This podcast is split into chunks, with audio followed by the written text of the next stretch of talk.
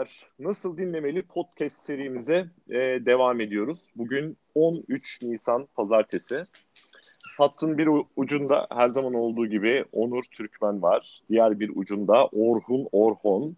Ben Cemil Can Deli Orman. Üç müzisyen evlerimizde e, bu podcast serisini dolduruyoruz. Şimdi arkadaşlar geçen programda Orta Çağ'dan bahsettik biliyorsunuz. Yani öyle bir şey ki böyle bin yıldan fazla bir zamana yayılan Orta Çağ ve müzik üzerine e, bayağı bir konuştuk. Bugün aşağı yukarı 100, 150 senelik kısacık bir periyoda yayılan günlerce belki aylarca konuşsak bitiremeyeceğimiz dop dolu bir dönemi konuşacağız. Yeniden doğuşu yani e, Rönesans'ı konuşacağız. Şimdi nereden başlayalım? Yani müzikte e, yani her açıdan o kadar dolu bir dönem ki işte müzikte Düfe'den tut, William Burden'e, Thomas Tallis, Monteverdi, efendime söyleyeyim Palestrina vesaire yani daha onlarca isim. Bir yandan bilimde, sanatta e, Da Vinci, e, işte Michelangelo, Kopernik, efendime söyleyeyim Kepler, e, hatta Newton gibi isimlerin olduğu bir dönem, Shakespeare'in olduğu bir dönem. Yani e, ne oluyor? İnsanlar delirdi mi bu 150 yıl içinde? Bu nasıl bir bolluk, nasıl bir bereketlik? Bence burada şeyden başlamak lazım diye düşünüyorum. Yani, nasıl başlayalım bilmiyorum. Yeniden doğuş. Neyin yeniden doğuşu? Sayın Onur, topu size açayım. Buyurun. yeniden doğuş tabii bu o dönem verilen bir isim değil. Daha sonra 19. yüzyıl bakış açısıyla yeniden doğuş diyorlar. Antik Yunan ideallerinin yeniden doğuşu. Aslında yani sen güzel bir yerden girdin Cemil. Hani bundan öncesi işte antikite veya orta çağ çok uzun uzun dönemler. Sonra birden tarih hızlanmaya başlıyor. Çünkü aslında modern çağlara giriyoruz. Modern çağlarda Rönesans'la başlıyor. Evet. Neden neden antik Yunan? Yani şöyle bir şey yapmaya çalışayım. Şöyle bir e, yorum yapmaya çalışayım aslında burada orta sınıfın yükselişi dolayısıyla kapitalizmin kuruluşu, kapitalizmin kuruluşunun bir adım sonrası e, şeyler sömürgeciliğin başlaması falan diye uzanan bir çizgi var. E, şimdi burada orta sınıf aslında e, kendine yeni bir siyasi e, yapı e, tayin etmek istiyor. E, eski feodal sistemden e, daha doğrusu e, kiliseyle varlığını bölüşmekten kurtulmak istiyor. Dolayısıyla seküler e, bir yaşam e, kurmak istiyor. Bunun da kökleri Rönesans'ta atılıyor. Tıpkı Orta Çağ'da nasıl dedik Rönesans'ın kökleri atıldı işte şehirleşme başladı. E, bu merkezi devlet yapısı başladı. Bu e, Fransız devrimine giden seküler e, işte kapitalist, demokratik, parlamenter sisteme dayalı yeni dünyada köklerini Rönesans'tan alıyor. Yavaş yavaş bu orta sınıfın yükselişi burada bir e, siyasi e, yeni sisteme doğru evriliyor. Tabii bunun sanatta da yansımaları oluyor.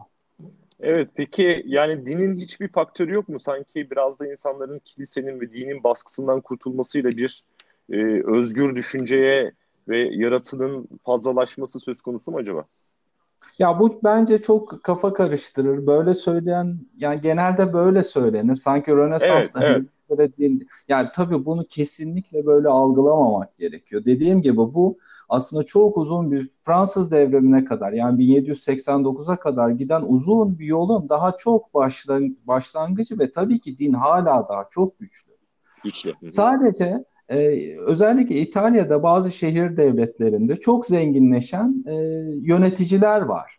Hı hı. İşte bunların en meşhuru sanat açısından da biliyorsunuz çok anlatılır Medici'ler. Medici. Şimdi, evet burada aslında Medici'ler bu Machiavelli falan da çok anlatır. Bir şey keşfediyorlar. E, politikada e, şeyin imajın ne kadar önemli olduğunu yani siyasette imaj çok önemli. Bunu keşfediyorlar ve sanatı da buna alet olarak kullanıyorlar. Şimdi neden böyle bir propagandaya ihtiyaç duyuyorlar? Çünkü bu adamlar e, yöneticiler ama soylu değiller. Yani aslında e, soylu bir kökenden gelmiyorlar. E, bunlar bankerlikle çok zengin olan yeni bir kuşak. Hatta işte bunun ismi de vardır. Şey bunlara yeni yeni tip insan denirmiş o zamanlarda. Yani bu yeni bir yükselen bir orta sınıf, bankerlikle meş, e, şey zengin olmuş, siyasi güç sahibi olmuş insanlar. Ve burada sanatı aslında bu e, soylu olmamalarını e, kapatmak için bir e, ne diyelim bir göz boyama aracı, bir güç sergileme aracı olarak kullanıyorlar. Tabii çok basite indirgiyorum. Hı hı. Ama hani en en tepeden baktığımızda böyle bir e, propaganda projesi görüyoruz. Evet, Orhun sen ne diyorsun bu kap yani kapitalizm e, doğuyor sanatta işte e, sermaye artık sanatın içine girmeye başlıyor, siparişler oluyor. Yani sanatın, sanatçının bir fiyatı oluşmaya başlıyor. Sen nasıl görüyorsun bunu? Yani e, tam orta çağ çıktıktan sonra e, işte bu da geçen hafta bahsettiğimiz büyük veba, onun e, attığı tohumlar yavaş yavaş kiliseye olan inancın sarsılması. Şöyle ben biraz daha farklı bir taraftan alayım hikayeyi. Birey tamam. olarak baktığımızda insanın bu gelişmeyle beraber giderek e, homo economicus durumuna geçmesiyle beraber kendi dünyasıyla ben burada neyim, kimliğim neyi oturtması da söz konusu zannederim. Yani evet soylular var, kabul edilmiş bir sınıf var, din sınıfı var, aşağıda serfler sınıfı var ve bu modern Onur'un da bahsettiği modern yeni insan için bir kimlik de lazım. Yani bu imajın en temel ögelerinden bir tanesi hani sanat tahminin öteki tarafından bir kimlik ve bu oturtulan kimlik çevresinde e, yapılan hamilik diye düşünüyorum. Dolayısıyla şimdi neyi görüyoruz e, yavaş yavaş teolojide? İnsanın hani şey var, dünya merkezli bir evren modeli var ve en önemli tezlerden bir tanesini yaratılmış dünyaların en iyisi bu dünyadır. Değil mi? Akinalı Thomas'tan beri skolastik felsefenin temelinde bunu görüyoruz. Fakat şimdi işte senin bahsettiğin bilim adamlarının gözlemleriyle e, bunun tersi olduğu kanıtlanmaya başlıyor ve bir taraftan da e, kişinin e, kendi gözlemiyle vahiy değil, vahiydense tekrar akıl yürütmeye doğru bir dönüş hareketi olduğunu görüyoruz. Bence bu işte bugünkü modern liberal bireyin en temel reflekslerinden bir tanesi.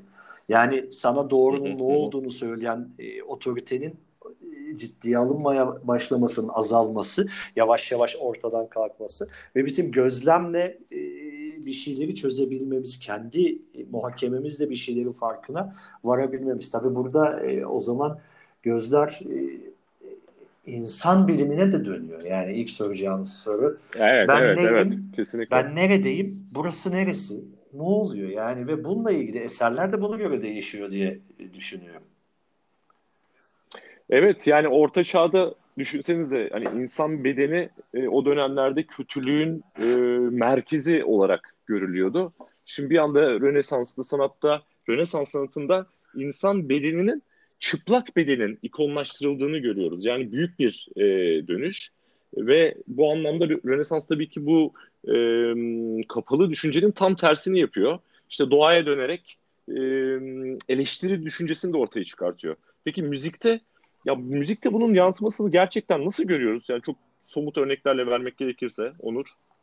Olur vermeye çalışayım. Şöyle müzikte aslında sanatla şöyle bir paralellik oluyor. Bence e, Şimdi bu hümanist bakış açısı artık resimde perspektif girdiğini söylemiştik. İnsan gözünden sanat yapmaya başlıyoruz işte e, tanrısal olandan veya vahiy e, aracılığıyla değil de insan gözünden sanat yapmaya başlıyoruz. Şimdi bunun iki tane e, iki bakış açısı da Rönesans'ı şekillendiriyor. Bir, birincisi antik Yunan'ın e, sanat ideallerine dayanarak nesnellik arayışı. Yani evren bir uyum içindedir. Her şey matematiksel oranlarla e, uyum içindedir. İnsan bedeni de bunun bir parçasıdır. Dolayısıyla e, evrende e, ilahi bir düzen vardır.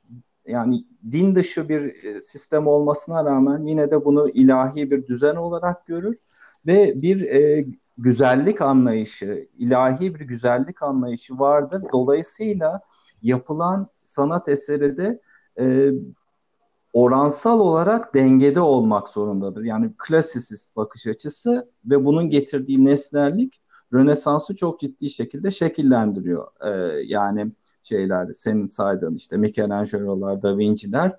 Şimdi bu müzikte tam bu klasisist arayış e, din müziğinde e, devreye girmeye başlıyor. Yani tema devreye girmeye başlıyor. Motifi kavrama devre, devreye girmeye başlıyor ve temaları, motifleri kullanarak e, dengede yapısı dengeli bir sanat eseri oluşturmanın yollarını ar- arıyorlar. İşte Josquin de Pré bunun herhalde en ileri örneği olarak gözüm göze çarpıyor. Ondan önce Okagen, sen de söyledin Dufay, evet. e, Guillaume Dufay. Bütün bunlar aslında bu klasisist bakış açısını e, gündeme getirmeye çalışıyor. Bir de e, yine insan devreye girdiği için öznellik de insan duygularının aktarımı devreye giriyor. Burada da işte e, geçen e, toplantımızda da söylemeye çalıştım.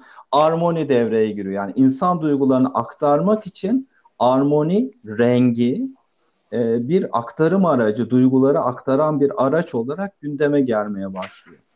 Ama müzik açısından şunu altını özellikle çizmek istiyorum. Yani Orta Çağ'dan Rönesans'a dönüşü nerede gözlemliyoruz? Mesela Guillaume Dufay gibi birisini arada bir besteci olarak görüyoruz. Hı hı. Yani bazı özellikleri Orta Çağ'a uyuyor, bazı özellikleri Rönesans müziğine uyuyor. O da şu şöyle özetleyebilirim aslında. Orta Çağ'da kullanılan a priori e, şeyler, e, elemanlar e, Rönesans'ta devre dışı bırakılmaya başlıyor. Mesela e, din dışı müzikte e, metin formları, form fix denilen e, metin formları Rönesans'ta terk edilerek besteciler kendileri e, baştan bir yapı inşa ederek din dışı müzik bestelemeye başlıyorlar.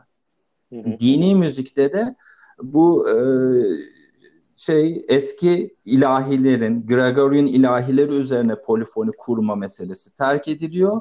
Bunun yerine dediğim gibi e, sıfırdan bir yapı iş, inşa ederek e, e, dengede bir yapı inşa etmenin yollarını aramaya başlıyor. Yani eskiden hazır e, fikirlerle çalışmaya başlayan ortaçağ e, bestecisi yerine bu sefer kendi bağlamını kendi oluşturan modern besteci e, kimliği gündeme gelmeye başlıyor. Burada Rönesans'ın en ciddi kırılmasını burada yani, görüyoruz. Evet, yani, yani hazır evet.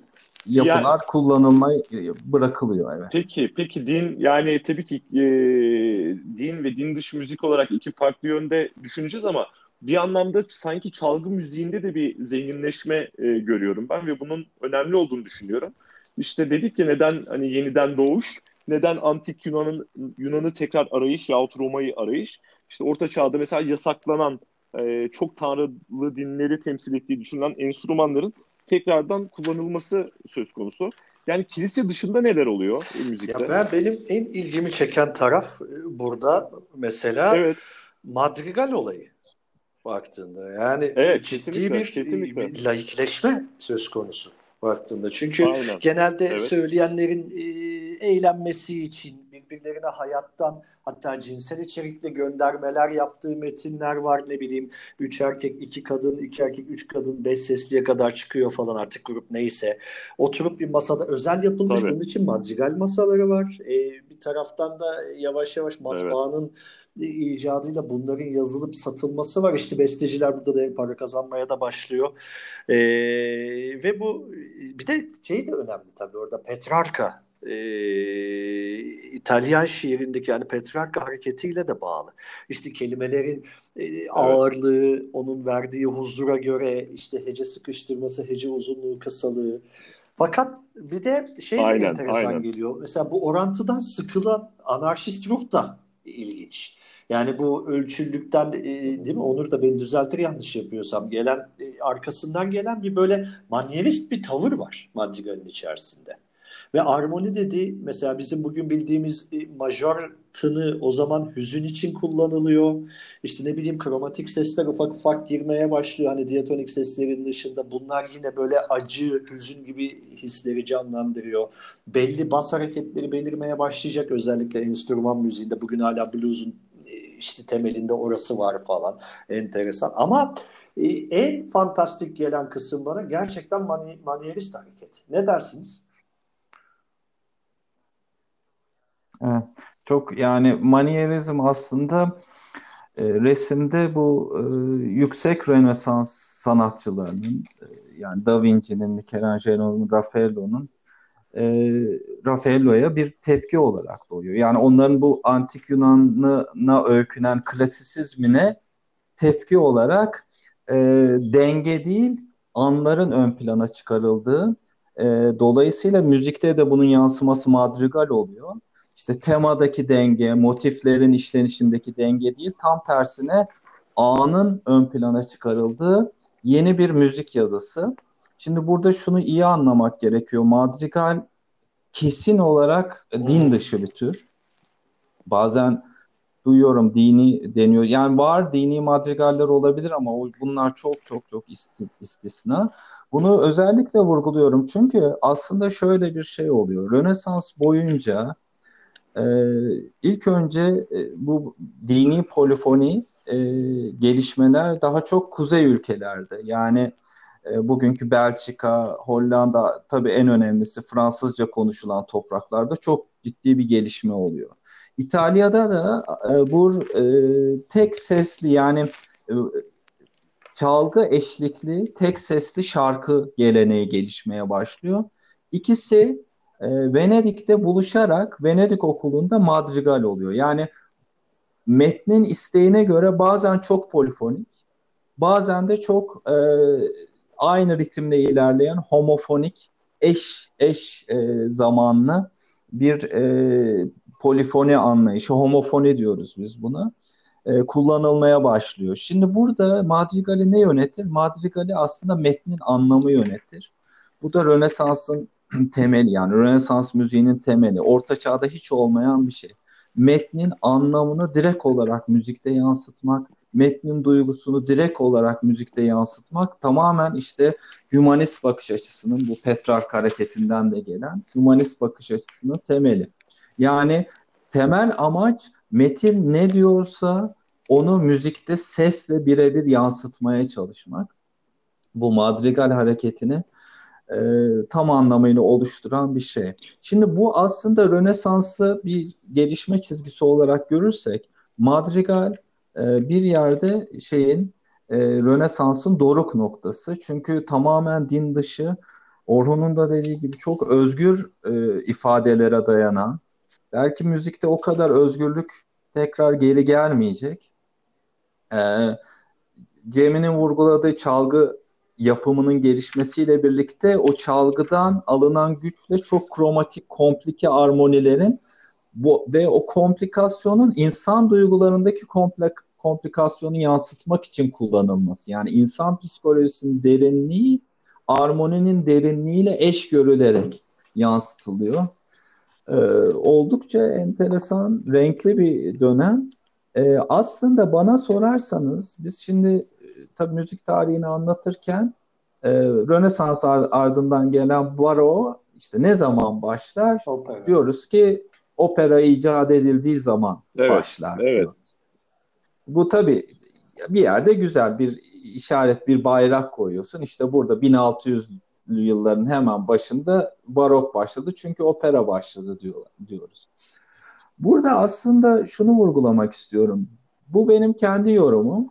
Bence aslında opera Rönesans fikrinin kesinlikle devamı. Yani Madrigal'den sonra işte bu insan humanist ifadenin gelişmesi, o özgürlüğün gelişmesinin bir sonucu olarak ortaya çıkıyor. Aslında baroğa dair özellikler çok daha sonra evriliyor. Bu operanın doğuşunu bence bir Tabii Rönesans hareketi. Çok bir hareket var değil mi orada? Çünkü Evet tam da onu söyleyeceğim. Aslında bu e, Floransa'daki e, entelektüeller uzun süre bu e, operanın doğuşu için tartışmalar yaparken biz polifoniden kurtulalım diyorlar. Çünkü işte antik Yunan yazılarına dayanıyorlar. Diyorlar ki e, antik Yunan'da ne güzeldi. Müzik tek sesliydi ve insan duygularına direkt e, değiyordu. Biz de oraya dönelim. Bu polifoniden kurtulalım. Burada ama en ince bir nokta var. Polifoni o dönemde kilise müziğini temsil ediyor. Aslında kilise polifoniden kurtulmak. Kilise müziğin temelinden kaçmak yerde, demek değil mi? Ayırmak, çizgi. kaçmak, yeni bir dünya açalım. Tabii yeni bir dünya kuralım demek oluyor aslında. O yüzden operanın doğuşunu da kesinlikle Madrigal'in devamında bana sorarsanız bir Rönesans hareketi olarak Doğru. görmekte fayda var. Evet ben kesinlikle katılıyorum. Şimdi bir sonraki programımız biliyorsunuz operanın doğuşu, bir sonraki podcast operanın ha, doğuşu tamam. üzerine olacak. Ee, ama bu açıdan Madrigal'in e, hem anlam e, ve felsefesi açısından hem de biçim ve öz açısından getirdiği yenilikleri biraz daha vurgulamak gerektiğini düşünüyorum. Burada en can alıcı noktalardan bir tanesi metin ve söz ilişkisi. Bunu belki de net bir şekilde vurgulamak lazım. Yani e, işte eskiden dini metin olsun da ne olursa olsun yani bir dini metin olsun vardı. Ama şu, bu anlayışın tamamen bittiğini görüyoruz. Ve bana sorarsan müziğin e, bir anlamda e, şiirle muazzam bir dansı başlıyor. Yani kelimelerin kendi içindeki e, şiir kendi şarkılarını taşımaya başlıyor ve bunu fark ediyorlar. E, dolayısıyla bu operaya uzanan yolda belki e, ya neden mesela operayı doğuracak sorusunu sorduğumuzda acaba hani recitatif, recitatifin de doğuşuna yol açacak ve bir şekilde müziği daha rahatlatacak bir e, sistem mi e, ya oluşturuyor Madrigal? Ne diyorsunuz? Onur evet, yani ben e, e, yani ben şöyle resitatif kesinlikle yani Madrigal'in e, Madrigal'in polifoni, polifoniden arındırılmış hali yüzde yüz öyle. Çünkü burada o serbestlik çok önemli bence de. Yani şöyle bakalım e, anti klasisist bir akış var ya. Şimdi müzikte klasisizm dengeyle kuruluyor. Peki. Daha ileriki dönemlerden örnek vereyim. Mesela Mozart'ın müziği dengeye dayanır. Yani siz başın e, bir eserin başında yaptığınız bir e, şeyi, e, müzikal bir imgeyi sonunda bir şekilde açıklamak zorundasınızdır. Yani baş ve son birbiriyle iletişim içinde çalışır. Sanki bunu yörüngesel olarak düşünebiliriz. Yani klasisist formlar, Mozart'ın sonat formu, işte Beethoven'ın sonat formu e, bir noktadan başlar, yörüngeyle e, döner ve tekrar kendine gelir. Bunu sanki gezegenlerin yörüngesel ilerleyişi gibi görebiliriz. Hı hı. Değişir o sırada mevsimler olur, değişmeler olur ama tekrar başına döneriz. Böyle yörüngesel bir e, görsel olarak anlatmak istersem yörüngesel bir biçim olduğunu düşünebilirim. Halbuki e, madrigalizm e, çizgisel bir e, form. Yani bir noktadan başlıyoruz bir başka noktaya kadar hiç tekrar etmeden, hiçbir e, motifi, e, jesti tekrar etmeden sürekli değişerek, anlara odaklanarak A noktasından B noktasına geliyoruz. Bu tabii 19. yüzyıl müziğini yani romantik müziği bize e, hatırlatıyor. Zaten Richard Taruskin de e, kitabında e, müzik tarihi kitabında işte Liszt'in bu çizgisel geliş e, çizgisel formuna, biçimine yeni madrigalci diyor mesela Liszt için. Veya e, Wagner için de diyebiliriz. Gerçi o opera başka bir janra da ele alınıyor. Belki karıştırmamak gerekiyor ama Liszt'in yaptığı için yeni madrigalci diyor. Çünkü e, yörüngesel değil çizgisel ilerleyen bir şeyden bahsediyoruz. Dolayısıyla madrigal de böyle. Hep an ve bir, e, bir an arkadan başka bir an ama o iki an e, şey olmak zorunda değil. Bağlantılı olmak zorunda değil. Tamamen birbirinden kopuk anların toplamı olarak ilerliyor. Tıpkı bir şiir gibi aslında. İmgelerin üzerinden geçerek gidiyor. Bir imge, başka bir imge, başka bir imge, başka bir imge. Böyle böyle biz bir çizgi üzerinde ilerliyoruz. Madrigal o açıdan çok yenilikçi, resitatif de öyle. Neden konuşur gibi derler resitatife? Çünkü konuşma tartımsızdır, özgürdür. Özgür, evet, evet, evet. evet. Yani ölçü ölçüye sığmaz. O, o yüzden resitatif de aslında köklerini Madrigal'in serbestliğinden alır. açıklamak lazım. Yani hani çizgisel ne demek? Metin ilişkisi de çok önemli. Ondan hani biz yani biraz üstü kapalı geçiyoruz. Yani bir örnek vermek gerekirse Metin bugün çok sıkılıyorum diyorsa müzik ağır, yavaş, ne bileyim eş zamanlı değişen sesler. Ah bugün ne kadar da güzel güneş açtı dışarıda yasak da kalktın hadi dışarı çıkalım dediğin anda müzik hızlanmaya başlıyor bir şey oluyor. Ama bunun bir öncekiyle müzikal olarak bir tutarlılığı yok. Yani bir duygudan bir duyguya bir duygudan bir duyguya deli gibi ilerliyor. Hatta bir örnek vermek gerekecek olursa benim en fantastik bulduğum bestecilerden bir tanesi Cezualdo. Venozalı Cezualdo. Yani Benim de öyle. Favori. Favori. Kesinlikle. Deli armoniyle. Zaten çılgınlık. hayatım ayrı bir çılgınlık. Hani katil şeytan diye anıyorlar adamı. Ondan sonra Katil. hani ne bileyim merak eden bir dinlerse daha somut olacak kafasında Cezualdo Di Venoza'nın ta o zaman yazdığı yani 1500'lerin ortasından sonuna yazdığı armoniler neler neler oluyor nasıl bir müzik bu tabi hayat hikayesiyle de birleşti ve tam bir fantastik nokta yani baktığınızda. Evet ya e, Cezualdo'yu ben de gerçekten yani çok fantastik bir besteci olarak nitelendirebilirim ve herkese dinlemesini tavsiye ediyorum. Dinlememiş olan varsa henüz. Bir an bir yandan e, metin müzik ilişkisini e, konuştuk.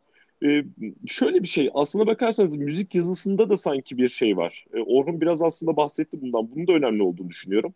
E, yani sadece metin müzik ilişkisinden ziyade müzik yazısının grafik olarak düşündüğünüzde işte dedin ya bugün işte bugün e, güneşli bir gün nasıl olmalı armonik olarak bunu tanımlayabiliyoruz. Ancak müzik yazısında da mesela işte yukarı çıkan dizelerin işte ne bileyim cenneti anlatması, ulvi e, yahut yüce bir kavramla özdeşleşmesi, işte aşağı inen daha bas ya daha e, aşağı doğru çizgilerin, dizelerin işte cehennem ne bileyim boyun eğiş gibi kavramları e, simgelemesi de söz konusu. Yani bir anlamda grafik olarak nota yazısında da böyle bu yenilik Rönesans'a mı ait Onur? Ya da evet, evet, kesinlikle. Bu.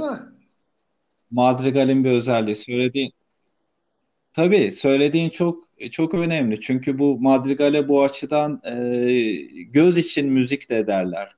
Sadece senin ya, yaptığın gibi metaforik değil. E, diyelim ki bir dağı tırmanma anlatılıyorsa, diyelim ki Petrarch'ın bir şiirinde da, dağı adım adım yukarı çıkıyordum diyor mesela. O zaman müzik de kromatik olarak yukarı doğru ilerliyor. Grafik evet. bir e, şey e, anlatım. Bu, bu tip grafik anlatımlar Madrigal'de çok var. Bir de dediğin gibi daha e, metaforik, soyut. İşte ölüm dendiği zaman orada çok daha e, uyumsuz bir akorun gelmesi gibi. E, bu iki tip e, şey e, word painting diyoruz İngilizce'de. Yani Türkçesinde de söz boyama diye geçiyor. Bu söz boyama teknikleri iki tip. Biri grafik, gerçekten görsel ve e, yani fiziksel birebir bir yansıma veya daha soyut e, armoninin özelliklerinden yararlanarak e, da e, söz boyama yapılabiliyor. Çok zengin e, bir şeyi var. Ya şey bir, çok e, enteresan. Yani, yani siyasi olarak baktığınızda yeni ortaya çıkmaya başlayan bir sınıf evet parası var, pulu var ama hiçbir kimliği, hiçbir felsefesi henüz oturmuş değil. Skolastisimin etkisi altında falan. Ve bu adamlar yani takdire şayan bir nokta. Yani kendilerini ortaya koymak için aslında değil mi bir kamera atalar kuruyorlar? Yani soyluların e, evinde acaba biz sanatı nasıl şekillendiririz? Aslında kendi siyasal konumumuza göre nasıl yeni bir dil yaratırız? Kendimize nasıl geçerli bir kimlik yaratırızın peşindeler. Yani Madrigal'in içerisinde de bunu görüyorsun. Hani tüccar adamların parayı kazanmış adamların hayatla bağlantısını görüyorsun. Ondan sonra kişisel kadın erkek ilişkilerini Madrigal'in içinde görüyorsun. Tabiata duyulan bir hayranlık var. Ne bileyim yer yer kırsal hayatın tasvirleri var falan. Tamamen gözler göklerden dünya denen cennete dönmüş durumda. Yani dünyayı süslemek üzerine. Daha doğrusu sanat böyle dese de aslında Medici'ler gibi e, parayı yeni bulmuş tüccar sınıfın kendine oluşturduğu çok ciddi bir kimlik var. Dolayısıyla burada müzik hamiliği de daha sonraki zaman için aslında bir rüşt sunuyor. Yani sanatın gücüne bak şimdi. Sanatın gücü diyoruz ama ne anlamda diyoruz? Hani sanat tek başına gökten zembille inmiş bir vahiy değil. Yani bir felsefe olarak daha çok böyle Platoncu, Aristocu mantık gibi türetilmiş bir biçimde bir kimlik oluşturuyor. Yani işin içerisinde bir diyalektik tabii bu sonradan gelecek bir kavram o zaman ama bugünün gözüyle bakınca bir ilerleme mevcut, bir kimlik yaratma mevcut, bir aidiyet yaratma, bir kültür yaratma mevcut. Bu size de fantastik gelmiyor mu ya? Bugün tam tersini yaşıyoruz çünkü. Bence bugünde de yeni orta çağ demek lazım herhalde. Evet ben de onu vurgulamak istemiştim geçen sefer. Yani e, biraz bugünün müzik anlayışı. Genelliyorum tabii. Genellemek hep hataya yol açar ama hani 1945'ten sonra yapılan yeni müzik biraz insan duygularından uzaklaşan. Bunu konuşuyoruz aslında. Yine Taruskin bunu e, bir e, şeyle açıklıyor.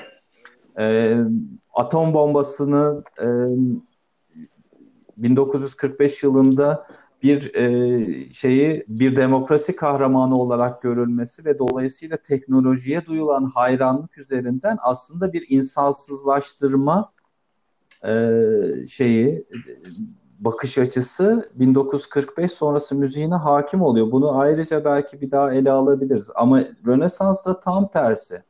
Yani şöyle söyleyeyim, dini müzikteki polifoni, yani müzisyenlerin anlayabileceği bir iki terim kullanayım.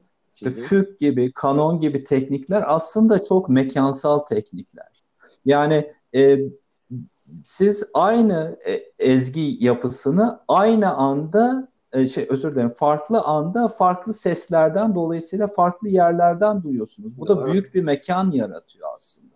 Yani bir yerde mimariyi taklit e, mimariyi taklit eden bir şey ve bu hani o dönemde merkezileşen e, şey yapısında e, siyasi yapılarda gücünü sergilemek isteyen yöneticinin çok hoşuna giden bir şey. Neredeyse mimari gibi bir ses ses eseri ortaya konulmuş oluyor.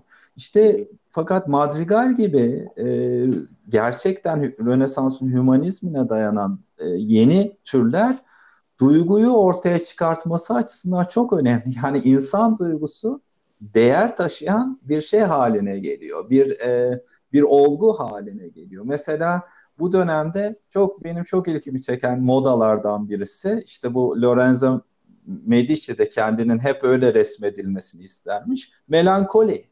Bir melankoli modası var. Melankoli ne, ne olduğunu anlamaya çalışıyorlar işte. Kara safran diyorlar. Bu vücudun salgıladığı bir şeydir.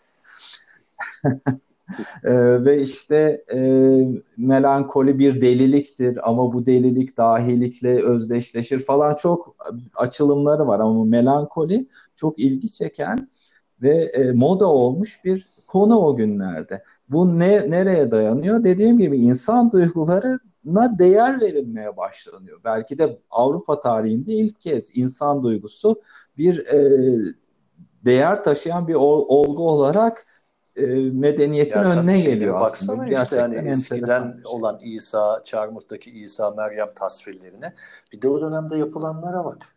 Yani çok daha insani, çok daha acı çeken, e, ne bileyim e, anatominin, fizyolojinin çok daha evet. iyi çalışıldığı tablolar mevcut falan.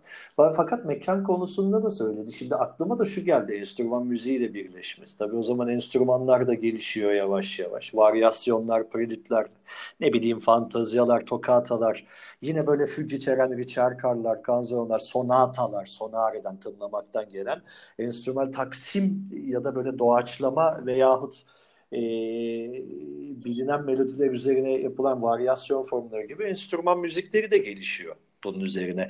Fakat benim Tabii doğru. Orada en enteresan şekli şu konsort yani çalgıların uyum içinde bir arada olması daha sonra konçerto böyle gelecek. Bizde de yanlış bir tanım vardır yani konçerto bütün herkese karşı savaşıyor, dövüşüyor, birbiriyle yarış ediyordu. Ben de konçertare uyum içerisinde olmak birbiriyle öyle değil mi? Yani uyumun içerisinde drama vardır yoktur o ayrı hikaye. Evet. Ama evet. şimdi burada orada şey de mesela bu Venedik'teki Grand Concerto kavramı da benim için çok ilginç. Niye bu senin söylediğin büyüklük tam da Venedik'e yakışan bir şey kavramdan bahsediyorum. Bu Gabriel'in büyük Hı. Grand Concerto'larına ne dersiniz?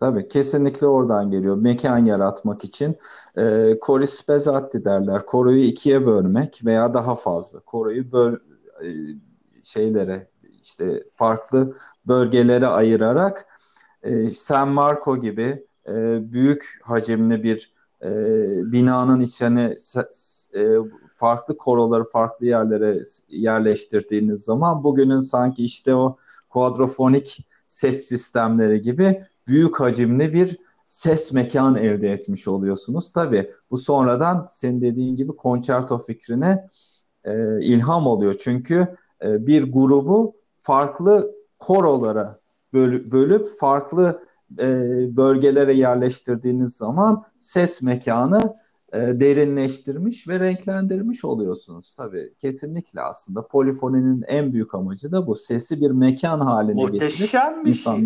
Gibi Tıpkı mimari gibi. Bizdeki sonrasında bu olmuyor çünkü bu kadar. Evet. Yani burada kültürde benim hep şu ilgimi çekmiştir. Ee, yani Osmanlı bizim büyük medeniyetimiz tabii.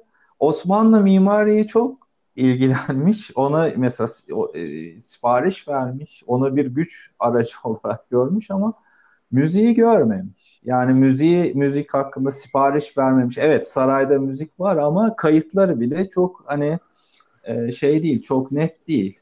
Orada e, gerçekten bir kültür müziği e, güç e, gösterme, propaganda aracı olarak görmüş.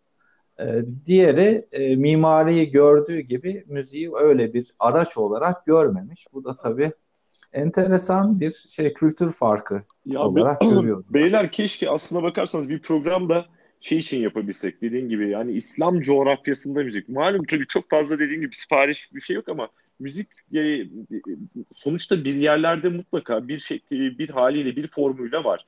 Yani Orta Çağ'dan bahsettik. O kadar kısır bir çağ e, Avrupa coğrafyası için ama İslam coğrafyası için e, aslına bakarsanız çok zengin bir çağ e, belki olabilir. Bir, yani tabii bizde hep tek, tek bir tepeden gelen bir hani batı Tabii. gözüyle National Geographic belgeselci gözle bakış anlayışı var. Ona da karşı çıkmak istedim. Aynen. O da aynen. çok güzel bir noktaya değindi.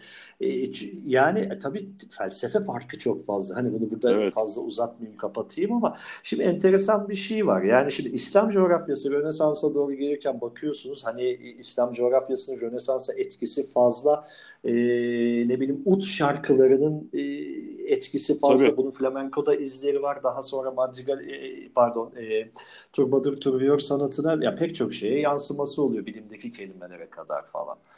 Dolayısıyla e, ciddi bir etki var. Fakat burada e, İslam felsefeyle İbn Rüşd'le e, ondan sonra hani o İslam ilk büyük İslam felsefecileriyle beraber akıl yürütme üzerine, mantık üzerine, Aristo mantığı üzerine.